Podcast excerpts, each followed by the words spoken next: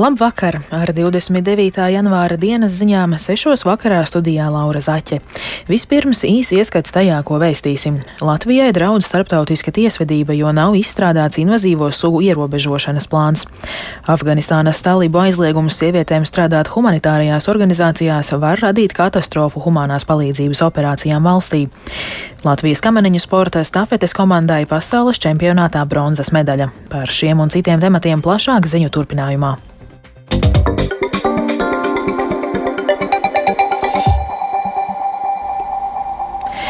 Eiropas komisija vērsīsies Eiropas Savienības tiesā pret sešām Eiropas Savienības valstīm, tā skaitā arī pret Latviju, par to, ka tās nav novērsušas Eiropas dabai kaitīgo invazīvo svežzemju sugu ieviešanos.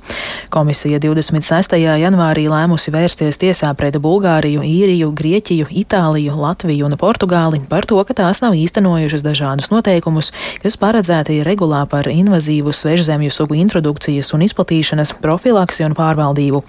Latvija Latvijā ir desmitiem invazīvu sugu, no kurām zināmākās ir lupīna, Kanādas zeltslotiņa vai Spānijas kailgliemezis. Vides aizsardzības un reģionālās attīstības ministrijai jau sen bijis zināms, ka jāizstrādā rīcības plāns, kā novērst invazīvu svežzemju sugu izplatīšanos, bet plāna izveida aizkavējusies, jo par to nav izdevies vienoties visām iesaistītajām pusēm. Skaidro vides aizsardzības un reģionālās attīstības ministrs Māris Sprindžuks no apvienotā saraksta. Jā, mēs zinājām, ka šāds process notiek.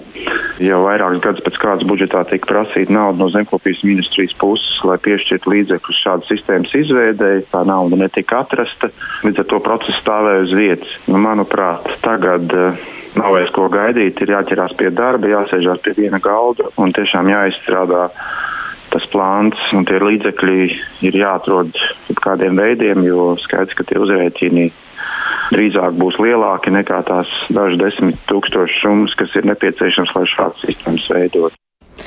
Invazīvas svešzemju sugas ir augi un dzīvnieki, ko nejauši vai apzināti ievieš teritorijā, kur tie parasti nav sastopami. Eiropā un visā pasaulē šīs sugas ir viens no pieciem galvenajiem cēloņiem, kādēļ izzūd bioloģiskā daudzveidība.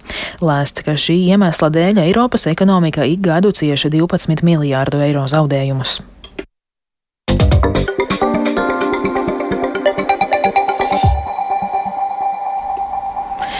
Ukraina veids pātrinātas sarunas ar rietumvalstīm par aviācijas un tāla darbības rādījusa raķešu nodošanu Kīvai. Pēc Ukrainas prezidenta biroja vadītāja padomnieka Mihailo Podoļaka teiktām, Kīvai šāda veida ieroči cita starpā nepieciešami, lai iznīcinātu Krievijas bruņoto spēku aizmuguras infrastruktūru un artilērijas noliktavas anektētajā Krimā. Krievijas karaspēks sestdien ar raķetēm apšaudījis dzīvojamās ēkas Donetskas apgabala Konstantīnivkā. Uzbrukumos nogalināti trīs cilvēki, bet ievainoti vēl septiņi. 17. Ukrainas prezidents Volodimirs Zelenskis sacījis, ka Ukraina darīs visu, lai partneri sāktu vitāli nepieciešamā bruņojuma piegādes. Tikmēr Pentagona amatpersonu vidū pieaug atbalsts tam, lai Ukrainai varētu piegādāt iznīcinātājus F-16, tā vēsta portāls Politico. Jau kopš kara sākuma iznīcinātāji F-16 ir tā bruņojuma sarakstā, ko Ukraina ir lūgusi, bet līdz šim Vašingtona un Kijīva uzskatījušas, ka artilērija un uz zemes bāzētās pretgaisa aizsardzības sistēmas ir vairāk nepieciešamas. Tomēr tagad, kad Vašingtonā apstiprināta tanku un pretgaisa aizsardzības sistēmu patriotu piegāde, pieaug optimisms, ka nākamie varētu būt F-16. Par jauno Čehijas prezidentu ievēlēts atvaļinātais NATO ģenerālis Pēters Pavels, kurš vēlēšanās sīkstējās ar bijušo premjeru miljardieri Andreju Babišu. Vēlēšanu rezultāti liecina, ka Pavels ieguvis 58% balsu. Lai gan viņam nav politiskās pieredzes, no Pavela sagaida lielāku tuvināšanos rietumiem. Pavela uzvara Čehijas prezidenta vēlēšanās ir pozitīva vēsts arī Latvijai. Tā uzskata Eiroparlamentāriete Inese Vaidere.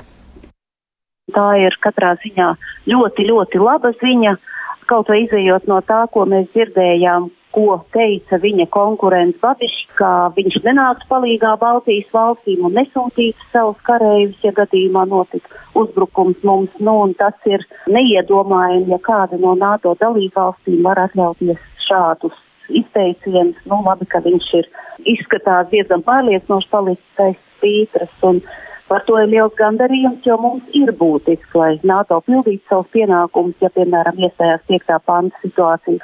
Un šķiet, ka Pavela kungs ir tas cilvēks, kas eh, varētu NATO principus noteikti stingri ievērot.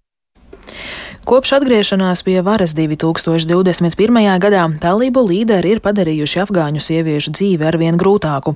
Nesenais talību noteiktais aizliegums sievietēm strādāt nevalstiskajās organizācijās nozīmē katastrofu humanās palīdzības operācijām valstī. Turpina Rustams Šukūrovs. Afganistāna virzās uz humāno katastrofu. Tā šonadēļ Briselē tiekoties ar saviem Eiropas kolēģiem, sacīja Vācijas ārlietu ministre Anna Lēna Bērboka. Viņa sacīja, ka ir sāpīgi redzēt, kā talibi pārtrauc palīdzības sniegšanu miljoniem afgāņu, kam tā ir ļoti nepieciešama. Bērbukas sacītais ir atbildi uz talibu pagājušā gada decembrī pieņemto lēmumu aizliegt sieviešu nodarbinātību humanās palīdzības aģentūrās. Pēc viņas teiktā aizliegums apgrūtinās Vācijas humanās palīdzības nokļūšanu valstī. If Taliban is not allowing international actors to work together with women. Ja Taliban neļauj starptautiskajām organizācijām strādāt ar sievietēm, tas realitātē nozīmē to, ka starptautisks atbalsts nesasniegs Afganistānas cilvēkus. Tātad Taliban atņem afgāņiem iespēju saņemt humāno palīdzību. Tāpēc mēs aicinām talībus ļaut meitenēm un sievietēm atgriezties darba vietās, skolās un universitātēs, jo tās ir fundamentāls cilvēktiesības. Jaunie talibu noteikumi attiecas gan uz afgāņu, gan ārvalstu organizācijām. Talibu līderi savu lēmumu pamato ar to, ka vairākas humāno organizāciju darbinieces ir ignorējušas valsts islāma likumu, kas pieprasa piekopt konservatīvu ģērbšanās stilu, kā arī paredz sievietēm nesāt galvassegu. Talibi arī brīdināja, ka jebkura organizācija, kas turpinās nodarbināt sievietes, zaudēs savu darbības licenci. Savukārt vairākas startautiskas humanās palīdzības organizācijas ir apturējušas savu darbību Afganistānā, apgalvojot, ka tās nevar efektīvi apkalpot iedzīvotājus, ja to rindās nav nodarbinātas sievietes.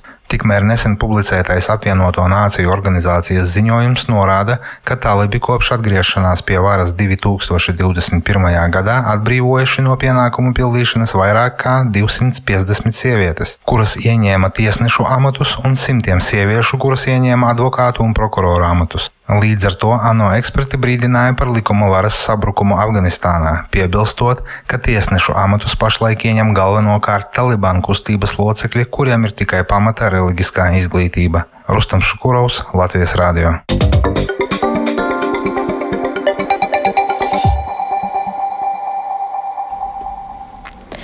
Ar iespaidīgu fināla šovu Daugopils Olimpiskajā centrā vakar noslēdzās Latvijas Radio 2 aptauja Muzikālā banka 2022.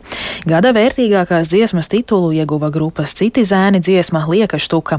Par otru vērtīgāko kļuva grupas Sadenlaids izpildītā dziesma Latērnes, bet trešo vietu ieguva Desauna poets dziesma Pie vienas uguns. Atskats uz šova norisi Zanes Ēniņas sižetā. Pēc Covid pandēmijas ierobežojumiem iepriekšējās divās sezonās muzikālās bankas noslēguma šovs šoreiz atkal notika klātienē, un prieks par to bijis jūtams arī mūziķu noskaņojumā. Gandarījumu par koncertu noris pauž Latvijas radio divu direktors Kaspars Mauriņš.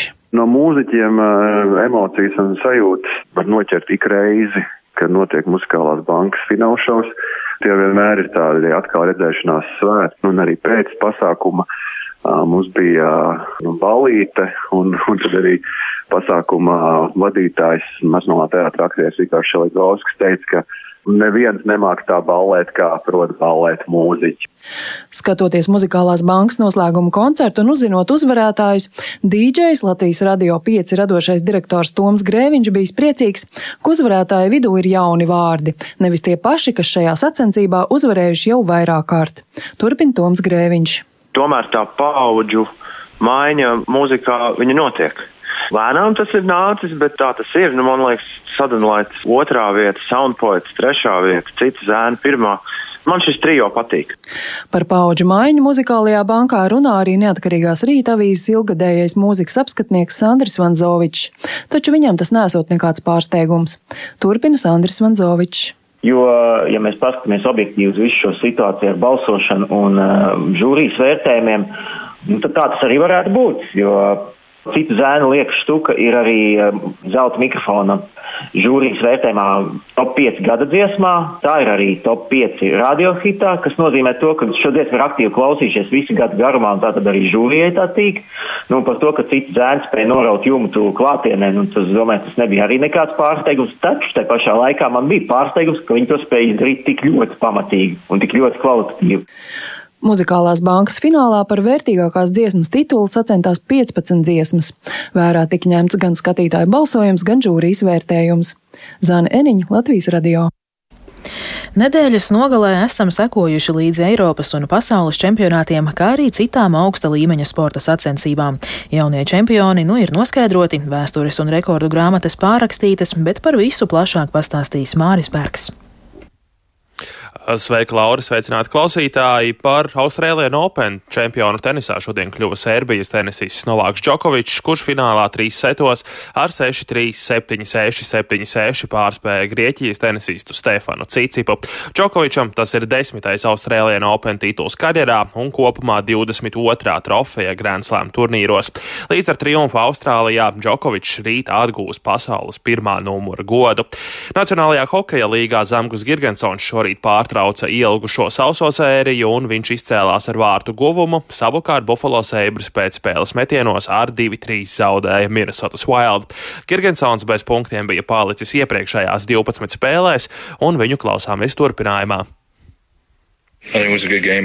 Tā kopumā bija laba spēle. Esam garā izbraukumā, un tie nekad nav viegli. Īpaši šādu izbraukumu pēdējās spēles. Dažreiz ir grūti atdot visus spēkus, bet domāju, ka šodien paveicām labu darbu. Izbraukumā gājis labi, īpaši tik jaunai komandai, kur daudzi puiši šo visu vēl nav pieredzējuši. Mums bija 13 spēles 21 dienā. Visi saglabājām koncentrēšanos un gudri izmantojām savu enerģiju.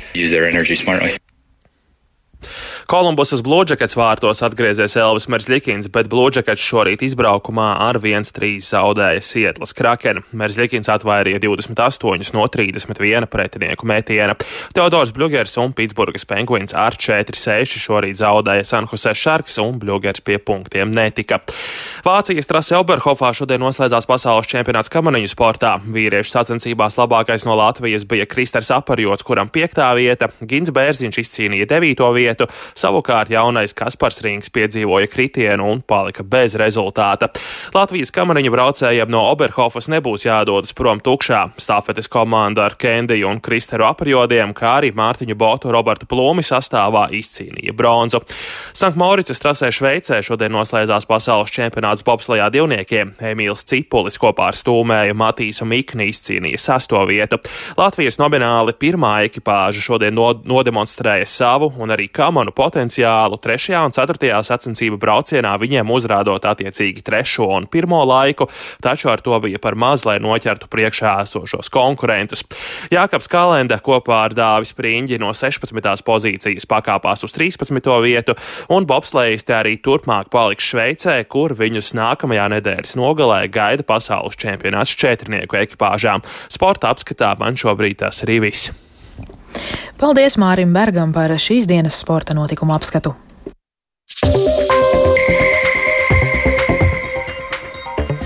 Ar to izskan 29. janvāra dienas ziņas. Producente Aiga Pelāne ierakstus montēja Uldis Grīnbergs, pie skaņu pulcīveta zvejniece, bet studijā Laura Zaķe.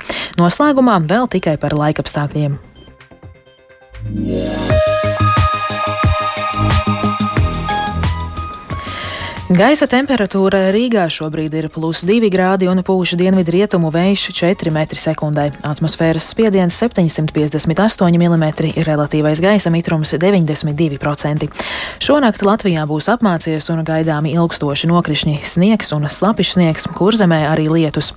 Valsts austrumu daļā sniegs stipri un sniega sega var pieaugt līdz 7 cm. Ceļi būs slideni un redzamība sniegšanas laikā pasliktināsies. Būtīs dienvidu rietumu, rietumu vējš vējš 7,13 m2, brāzmās līdz 21 m2. Gaisa temperatūra - mīnus 1,4 grādi. Rīta dienā būs mākoņains, gaidāmi nokrišņi, sniegs un slāpišs sniegs, kur zemē arī lietus. Ceļi būs slideni. Pūtīs dienvidu rietumu, rietumu vējš 7,13 m2, brāzmās līdz 19 m2. Gaisa temperatūra dienā 0,5 grādi, bet laika prognoze rītdiena trešā tā ir nelabvēlīga.